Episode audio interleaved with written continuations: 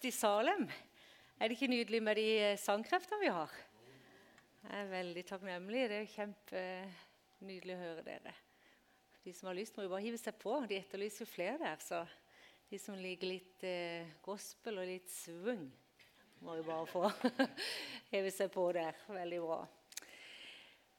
Eh, vi har snakka litt i eh, pastortime om eh, temaet for denne høsten her. Og så har vi Det er jo litt eh, hvitt på en måte, men vi hadde lyst til å sette tema for høsten 'Løft blikket'.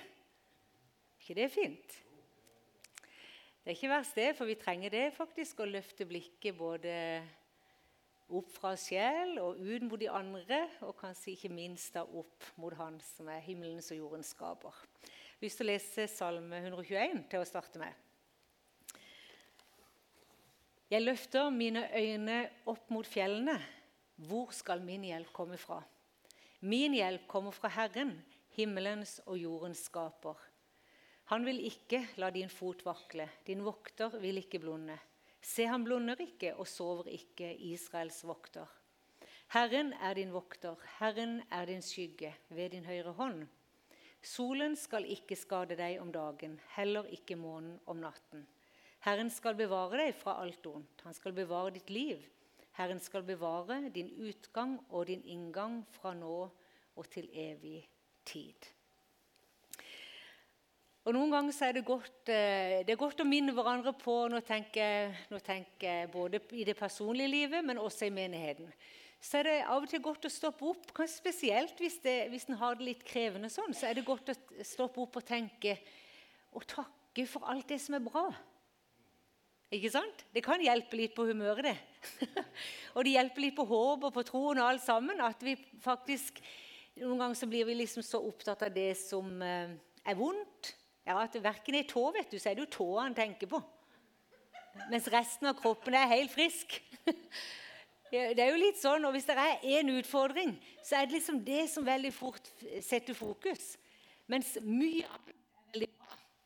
Og Sånn kjenner jeg det kan være for, uh, for, meg personlig, og sånn tenker jeg også det kan være for oss som menighet. Og så har jeg eh, tenkt uh, nå ikke sant, Du har hatt sommer, og du har gått inn i en ny høst. Og det er veldig veldig mye fint som skjer. Så jeg har bare lyst til å si litt om det først. At jeg er så takknemlig til Gud for det som Gud lar skje i denne menigheten som vi er en del av. Bare den siste uka her nå, så har, eh, så har jeg tre samtaler med unge familier som skal ha barnevelsignelse. I går hadde jeg en vielse. Og bare i løpet av de neste fem-seks ukene så er det fire barnevelsignelser på gang.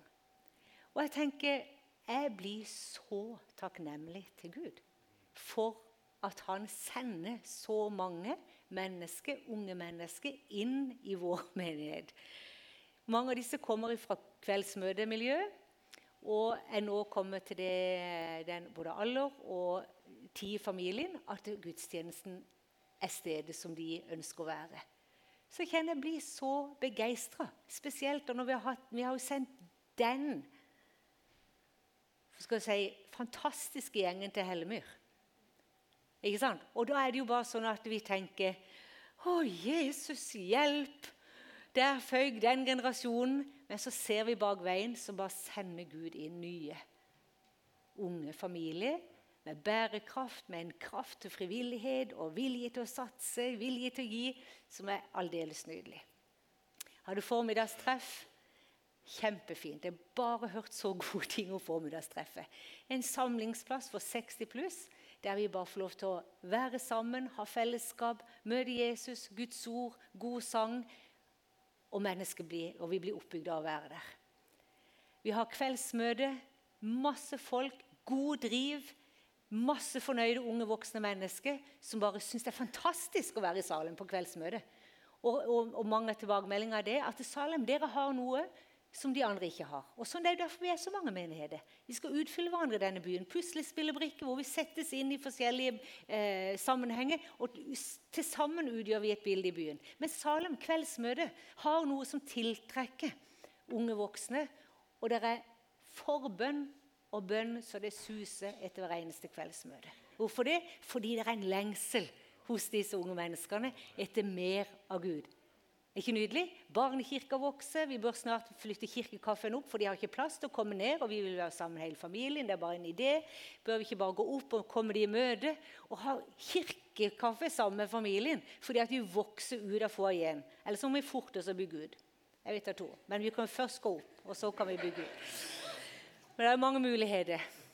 Og jeg kunne egentlig ha fortsatt. Og bare, Alfakurset er jo kommet i gang. Jeg syns nesten skulle gi en klapp for det. Alfakurset er kommet i gang. Nydelig. Der har vi mennesker som er nysgjerrig på tro. og Første alfakveld var nå på tirsdag. og Rapportene jeg har fått, i hvert fall, var at det var en kjempekveld og veldig spennende. Så vær med og be for alt som skjer.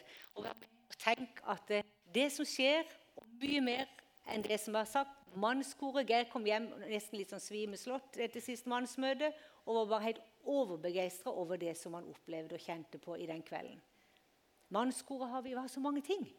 Hvor bare Gud lar sin ånd Han puster med sin ånd på så mange ting. Og jeg tenker bare å, Takk og lov og pris i Gud. Og så på samme tid da, så kjenner vi bare Jesus. Vi ber om at du må komme. Vi ber om at du må la skal si, kjærlighetens tidevann stige i vår sammenheng. Vi ber her at det er enda flere av de som ikke kjenner deg, Jesus, skal finne veien og finne at Salem er et godt sted å være. Det er, stedet, det er på en måte nesten umulig å unngå å kjenne at du er her, Jesus, når de kommer inn døra. Det er liksom bønnene våre. Vi ønsker å se mer av, av disse vitnesbyrdene som Therese. Det var nydelig vitnesbyrd. Har du hørt det en gang før på praksis?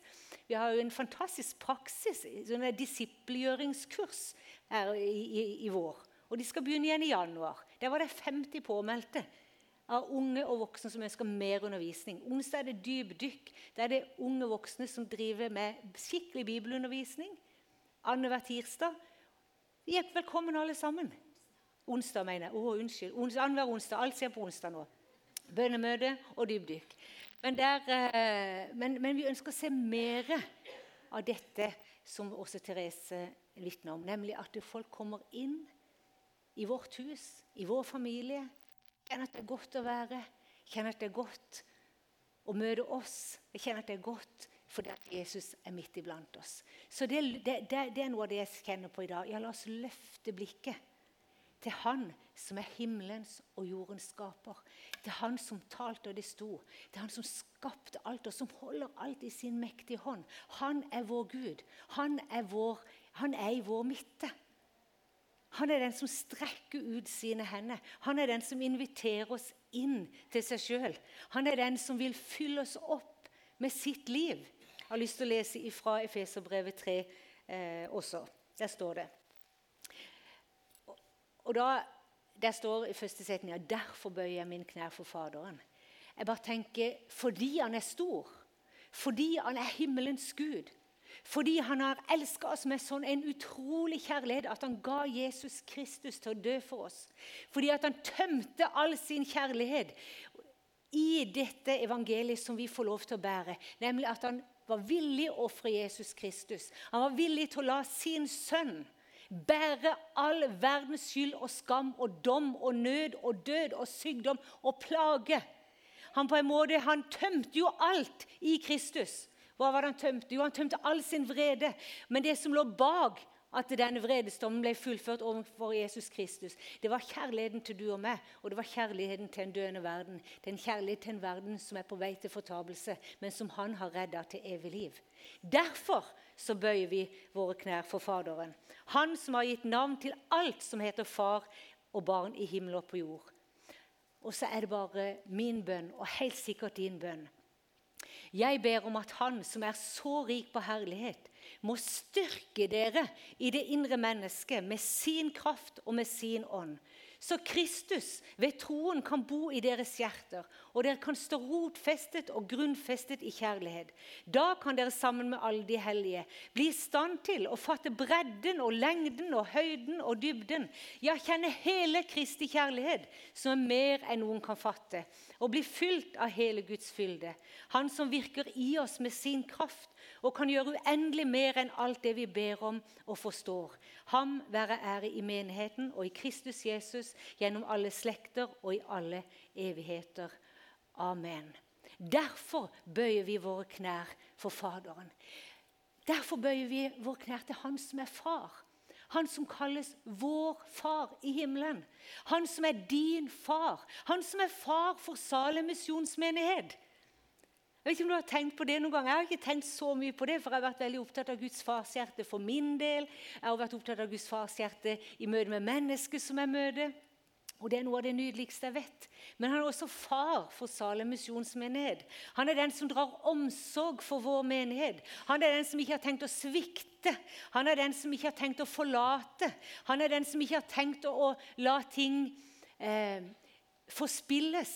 Men han er den faren som bare har lyst til å utøse av sitt hjerte over oss som sin familie, over oss som sin menighet. Han drar omsorg for sin jord. Han drar omsorg for oss som, som en av hans sine flokker. En av de jordene som han leder til grønne enger og til hvilens vann.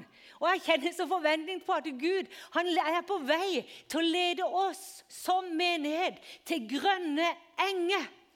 Til enger der vi kan spise oss mette dette til grønne enger, der vi med frimodighet bare inviterer inn hvem som helst til å komme på vår, på vår mark og så si se, se på de blomstene, se på de fruktene, se på den marka. Vil du spise? Er det noe du har lyst til? Er det noe vi kan gjøre? Er det noe Vil du være med i familien?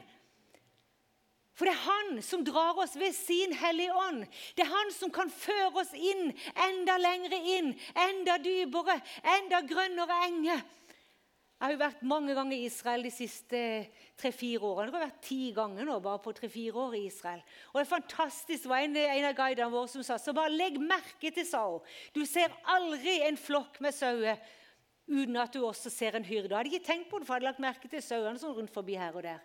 Men det stemte. Det var aldri en flokk uten en hyrde. Du kan se, se han et eller annet sted. Og Når du er i Israel, så skjønner du hvorfor de måtte lede de til grønne enger.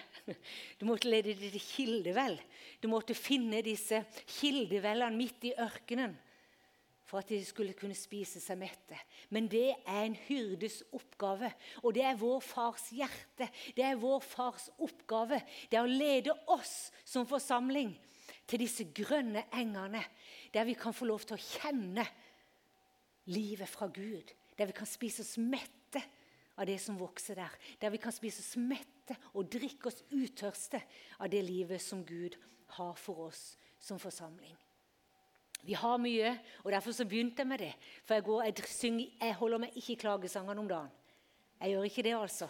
Så det er ikke fordi jeg tror det er noe sånn klagetid. Men jeg kjenner også at det ligger noe Et bilde som jeg så her for ganske, kanskje for tre år siden.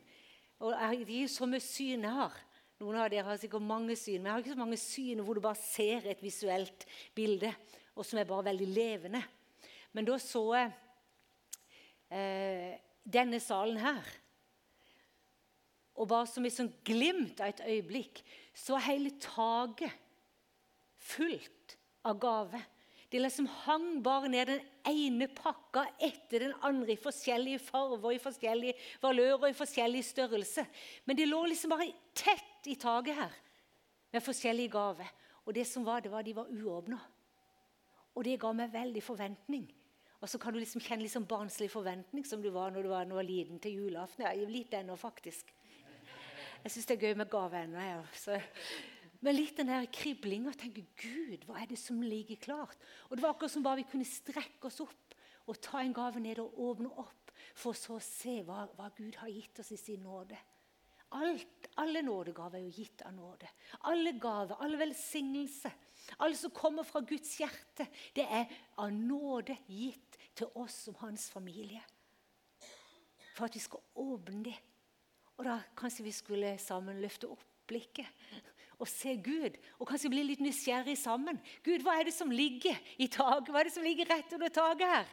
Hva er det som vi ennå ikke har åpna opp? Hva er det vi ennå ikke har sett? Selv om vi har sett mye. Mange har erfart masse av Guds rike. Men du vet, det er tider i Guds rike. Det er bølge på bølge.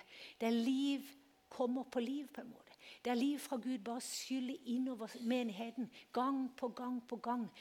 Med nye, forfriskende, oppløftende og ny fra Guds hjerte. Så det har jeg lyst til å på en måte sende oss inn i, i høsten med. En forventning. Og at vi sammen kan løfte blikket opp til Han som er troens fullender og, og opphavsmann og fullender. Til Han som er den som har skapt troen, forventningen. Jeg møter mange unge. Vet du, De er full av forventning på Guds rike. Jeg møter, voksne og jeg møter eldre som når du setter deg ned og får en samtale under fire øyne, som bare så kommer det fram. Vi må se flere frelst. Det er flere som må komme i møte med den Far i himmelen som jeg har møtt. Flere må komme i møte med den oppstandende. Flere må komme i møte med Jesus som den som tilgir fra synd. Den som tilgir skyld, som tar bort skyld, løfter frykten og angsten bort. Vi må se mer av dette riket midt iblant oss. Det er fra aldersgruppe 18 til 90 så kommer dette ropet ifra hjertet. Og Hvem er det som har skapt troen? Hvem er det som har skapt lengselen? Hvem er det som har lagt disse små frøene på en måte inni oss? Jo, det er faktisk ingen mindre enn Gud Fader sjøl. Så noen ganger så føler jeg at jordsmonnet eh, kan bli litt altså Disse blomstene, dette som skal vokse opp, det kan bli litt tildekka av min egen tvil, av min egen vantro, av min egen oppgitthet, av mine egne bekymringer, av mitt eget fokus på negative ting, så drukner på en måte noe av håpet og forventningen. Men da er det mitt ansvar å løfte blikket. Da er det mitt ansvar å på nytt spørre Gud, hva var det når du la ned i hjertet mitt?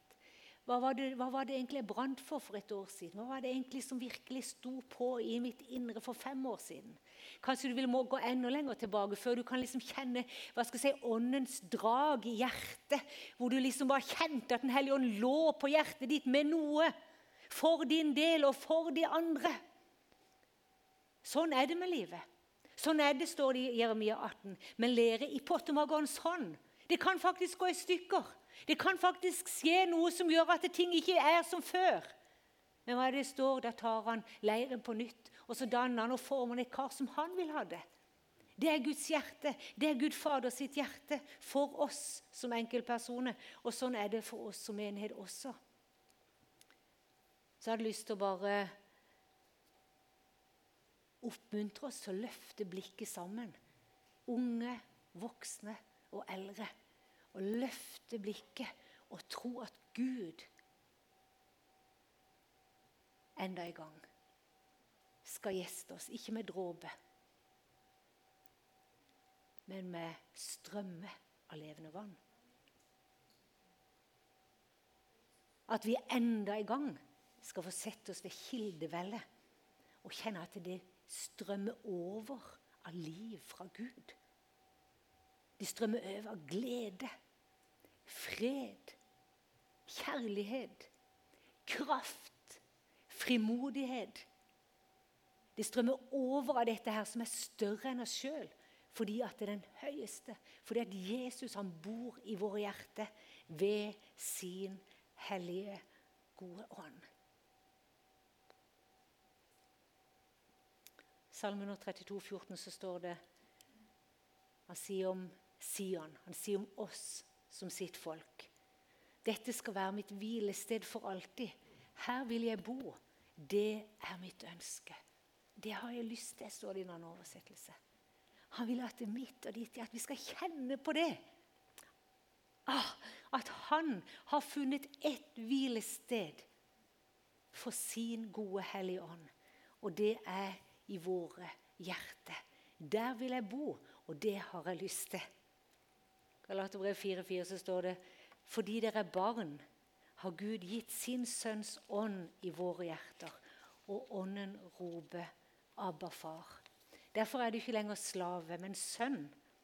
Og er du sønn, så er du arving, innsatt av Gud. Ikke fint?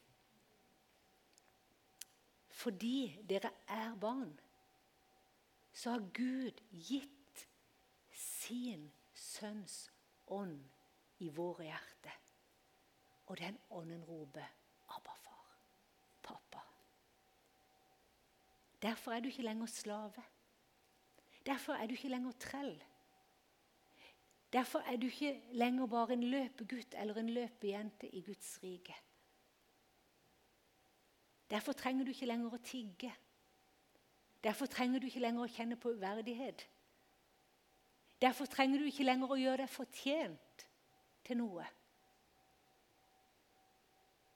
Fordi du er sønn, fordi du er datter. Fordi du er innsatt av Gud som arving til det rike som vi har fått del i ved at vi har fått Guds sønns ånd i våre hjerter. Og så sier han, 'Der vil jeg bo', og det er mitt ønske. Hæ? Guds kjærlighet er udøst i våre hjerter ved Den hellige ånd.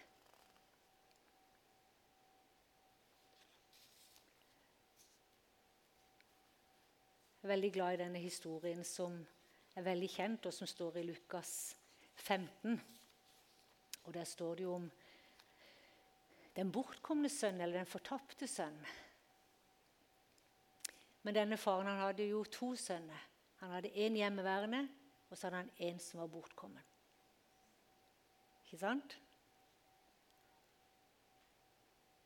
Og Nå har jeg lyst til å bare si litt ut fra de versene der i forhold til det som står i, eh, i Johannes 4. Så står det dere sier enda er det fire måneder igjen til innhøstning. Men jeg sier dere, løft blikket og se på markene. De står alt hvite mot høst. Så denne historien her om denne faren som hadde to sønner, den sier noe om begge deler. Både om oss som er hjemmeværende, og som er i menigheten. Som lever på gården hjemme, og som er blitt arvinger, og som tar del i arven. Men så sier det også noe om at vi må løfte blikket ut mot de som er bortkomne. Og denne faren her, han, han sleit litt med den hjemmeværende òg, for han hadde ikke noe god identitet. Rett og slett i forhold til det å være sønn. Og hvordan vet vi det? Jo, for vi ser det. Når, han, når denne bortkomne sønnen kom hjem, så var han misunnelig. Vi kan jo ta oss i det av og til, vi òg. Vi får noen nyfrelste vitnesbyrd, og så kjenner vi det litt i magen. ikke sant? Men vi ser at denne faren han sto og speida etter denne bortkomne sønnen. Han hadde gitt han arven, og han hadde sendt han av gårde. Og han hadde venner så lenge han hadde penger. ikke sant? Og han holdt eh, på en liten stund, men endte opp i en grisebinge, spiste grisemat. Og så står det at han kom til seg sjøl, og så vendte han ansiktet hjemover igjen.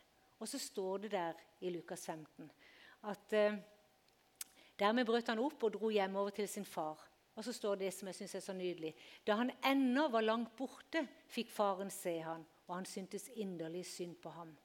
Han løp sønnen i møte, kastet seg om halsen på ham og kysset ham. Sønnen sa, 'Far, jeg har syndet mot himmelen og mot deg.' og eh, jeg fortjener ikke lenger å være din sønn. Men faren sa til tjenerne, skynd dere, finn fram de fineste klærne og ta dem på ham. Gi ham ring på fingrene og sko på føttene, og hent gjøkallen og slakt den, så vil, så vil, vi spise og glede oss. For denne sønnen min, sønnen min var død og er blitt levende. Han har kommet bort og er funnet igjen. Og så begynte festen og gleden. Her ser du Faderens hjerte i første omgang for denne sønnen som har kommet bort. Ennå mens han var langt borte, så sto han og speida over åssida etter han. Kanskje han hadde gått ut der hver dag og håpet at han skulle komme hjem igjen. Vi vet ikke, men det står i hvert fall at han sto der og speida og mens han var var langt borte. Og Han syntes inderlig synd på han, så jeg vet ikke hvordan han kom ravende hjem. Han må i hvert fall ha sett det på lang avstand at han ikke hadde det godt. Så bare kjente, så var det Guds fars hjerte som bare slo inn Farens hjerte bare slo inn i det øyeblikket han så på denne mens han ennå var langt borte. Og så var det ikke nok med at han så han, så tenkte han kan jammen gå den der siste kilometeren hjem igjen. Den gutten, ikke sant? Men nei, han løp han i møte. Og han kasta seg over han. Gutten er i full erkjennelse. Han har bare skjønt at han har tabba seg. Han har skjønt at han ikke egentlig menneskelig sett fortjener noe, noe nåde eller kjærlighet. Men faren bare ignorerer det. Og så bare sier han til tjeneren sin, kom igjen, slakt gjøkalven, stell i stand fest. Han som er borte, han er kommet hjem igjen. Og Så kommer de jo hjem og nærmer seg gården, og så møter, møter de den hjemmeværende sønnen. da. Og så blir han sur og sinna. Du har aldri slakta gjøkalven for meg. Han der har jo bare sløst vekk alt arven sin. Og så kommer han hjem, og så lager du fest. Kan jo bare høre murringa og knurringa. Og så ser du eh, farens hjerte igjen da, for denne sønnen. Akkurat i det øyeblikket så hadde denne pappaen to sønner som ikke skjønte at de hadde en god far. Ikke sant? Og så sier han til denne hissige, knarrige sønnen som var hjemme Så sier han, 'Men sønnen min, alt mitt er jo ditt.' Jeg er sikker på han fikk en liten åpenbaring der. Han fikk eh, åpna øynene sine litt. Der hadde han gått og gått vet du, i alt sammen. Og så hadde han ikke skjønt at han kunne ta ut hele arven. Og så tenkte jeg meg selv jo, jeg må vel innrømme det. Jeg har vært frelst hele mitt liv. Og jeg tror jeg fort kan komme i den der situasjonen. At en går liksom i det. Vi går i meningen, vi går i så mange ting. Men tar vi ut det som henger i taket?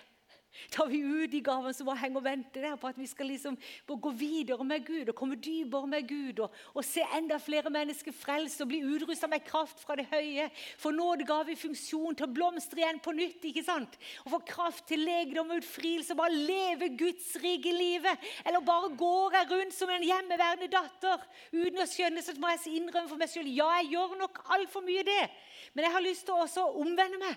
Jeg har lyst til å høre fra Gud. Elin, alt mitt er ditt. Jeg har lyst til at Salem skal høre fra Gud. Alt mitt er ditt. Ta det ut. Lev det. Dere står midt oppi det. ikke sant? Sånn kjenner jeg. Uh, sånn. Come on. Ikke sant? Litt sånn her. Kjenner bare en sånn begeistring, for det er jo tilgjengelig. Guds rike er for hånden, står det. Frykt ikke, du lille jord. For Guds rike hører dere til. Ikke sant? Åh, så kjenner jeg på det. Og så har jeg så lyst til at vi skal fordele så mye i Faderens hjerte at vi også begynner å speide i vårt nabolag, i vår omgivelse, på Lund. Uansett hvor vi er, så er det mennesker som lengter etter det evangeliet som du og meg bærer. Dere skal få kraft når Den hellige ånd kommer over dere. Og dere skal være mine vitner i Jerusalem, i Judea og i Samaria og like til jordens ende. Er det ikke fint? Jerusalem, det er jo her. Judea er kanskje Lund eller ditt nabolag. Samaria er der du helst ikke vil gå, for det var fiendeland og så er det like til jordens ende. Men det er ingen steder som ikke trenger at du og meg har et brennende Kristus-vitnesbyrd i våre hjerter. Det er ingen som er rundt oss som ikke trenger at evangeliet leves ut i praksis der som du og meg er. Og det gir seg jo utslag på så mange vis. Det gir seg utslag gjennom hele din personlighet. Gjennom alt det Gud har gitt deg, gave og naturgave og nådegave. Det er det du bærer når vi er fylt opp av Guds ånd, så bare bringer det Jesus ut til de som vi har rundt oss. Og det er nydelig. Jeg, var, jeg kom hjem fra Israel bare for um, Er det bare en uke siden? Det er jo helt utrolig. Jeg syns det har skjedd så mye denne uka. Jeg tror faktisk det var forrige uke. Men der hadde vi eh, konferanse vet du, med kristne arabere og messiastroende jøder. Det var fantastisk så var det, det er fortsatt flest arabiske kristne, men det er en voldsom brobygging som skjer mellom arabiske kristne og jødiske eh, kristne eller Messias-troende. Men jeg bare kjente, Vi er så rike i dette landet. og Jeg kjente meg så rik som kunne komme og snakke med disse kvinnene. Og si noe om hva Guds ord sier. Og si noe om evangeliet. Si noe om nåden. Si noe om Guds farshjerte. Si noe om forsoning. Si noe om at evangeliet virker. Vi hadde en kjempesterk opplevelse. De hadde spurt inn to mannlige arabiske pastorer og en leder for en messiansk menighet til denne kvinnekonferansen som vi har hatt nå for fjerde fjerde gang der nede. Og Det var en 130-40 damer. Og mange har opplevd utrolig Vi er jo overprivilegerte som damer i Norge, faktisk. I dette landet. Det er helt fantastisk uansett hvor en reiser. Så blir jeg takknemlig for å ha vokst opp i Norge. Takknemlig for veien vi har gått når det gjelder å finne vår plass i Kristus. Å være elska av Gud sånn som vi er. Være skapt i Guds bilde osv. Men iallfall så er det et godt stykke igjen hos mange av disse kvinnene. For det er masse undertrykkelse, det er masse misbruk. Det er masse gave og utrustning som aldri har kommet frem. Men Gud virker. Og Så har de kalt inn disse, to, disse tre mennene. Og han, En litt eldre mann der han sto frem og bare bekjente. Og du hørte det kom fra hjertet overfor disse damene. Tilgi oss for at vi ikke har sett dere. Tilgi oss fordi at vi har holdt dere utenfor. Tilgi oss for vi har krenka dere. Tilgi oss for misbruk. Tilgi oss for at vi ikke har respekt for grensene deres. Og han sto på, og du bare begynte å kjenne i atmosfæren at her er det noe som rører seg. Og så han, var han ferdig, så bøyde han seg ned. Så vaska, spurte fram tre, tre av lederne der, av disse damene. Bøyde seg ned og vaska føttene hennes. Og jeg snudde meg, for jeg tenkte dette er jo hinsides sterkt. Og snudde meg rundt og så, vet du, tårene bare rant i forsamlingen. Dama de rant og det rant, og så kom det en ung pastor og den andre pastoren opp bak i ryggen på han og ba ut så det ljomte. Jeg tror ikke det var en, noen ting som kunne stå seg mot det han var. Og så spurte denne messianske lederen på slutten da, om han kunne være så, være så snill og be en fars velsignelse over dem. Vet du, Det er himmel på jord, altså. Evangeliet virker. Det virker så sterkt. Forsoning, tilgivelse. I løpet av den halvtimen som de guttene der holdt på, så skjedde der så mye helbredelse. Det var så mye som kom på plass i mange av disse damer sitt hjerte. Hvorfor det? Jo, fordi evangeliet ble forkynt. Ord om korset, ord om forsoning. Bøye seg ned. Lovsangen formiddagen etterpå. Dette var på kvelden på lørdagen. Nei, på fredagen. Så lovsangen på lørdag formiddag. Jeg skulle ha talt, og jeg fikk noen få minutter. Men vet du, når lovsangen det brøyd seg gjennom at mennesker, uten at noen hadde sagt noe, bare begynte Guds nærvær å virke på enkeltpersoner. Til legedom og utfrielse. Vi kunne, jeg sa bare til de som leder med, dere må ikke stoppe noen ting. Vi må bare være i det som Gud gjør. Hvorfor det? er jo fordi Gud er virkekraftig. Gud er virkekraftig. Og han vil at vi skal Nå var det ikke til jordens ende, men det var altså midt, Midtøsten. Men Gud ønsker at vi skal løfte blikket, for det er noen rett rundt oss som lengter etter det evangeliet som setter fri. Som lengter etter ordet om korset, som lengter etter en levende forsamling. Som lengter etter en forsamling som er fylt opp av Guds ånd. Som lengter etter en menighet som er fylt opp av Guds kjærlighet. Som bare ønsker å se en familie som fungerer som ønsker å komme inn i kjernen av evangeliet, der vi elsker hverandre. Der vi setter hverandre høyere enn oss, den andre høyere enn oss sjøl. Der vi på en måte bare lever ut i forsamlingen, i våre hjem, det som evangeliet har i seg. Og vi trenger Guds nåde. Vi trenger et mirakel fra Gud. Vi trenger det som unge, vi trenger det som voksne, vi trenger det som eldre. Vi trenger et mirakel fra Gud.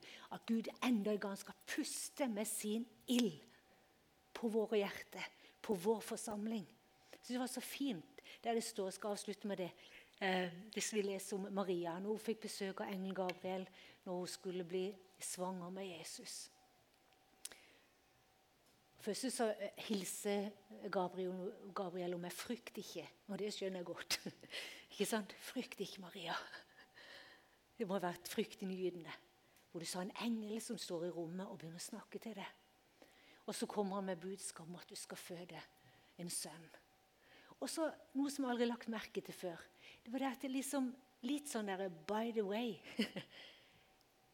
Elisabeth er også svanger. Så akkurat som engelen hjalp henne litt, for hun, det var liksom ferdig med henne. Hun hadde ikke fått barn, hun hadde ikke, vært, hun hadde ikke hatt mulighet til å få barn. Og de kunne ikke få barn.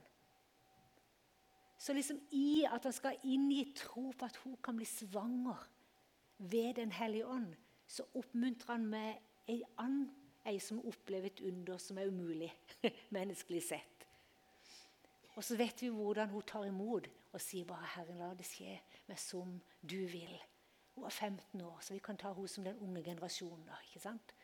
Og så legger hun på vei til Elisabeth, som har vært ufruktbar. Og som har lengta etter å bære frukt.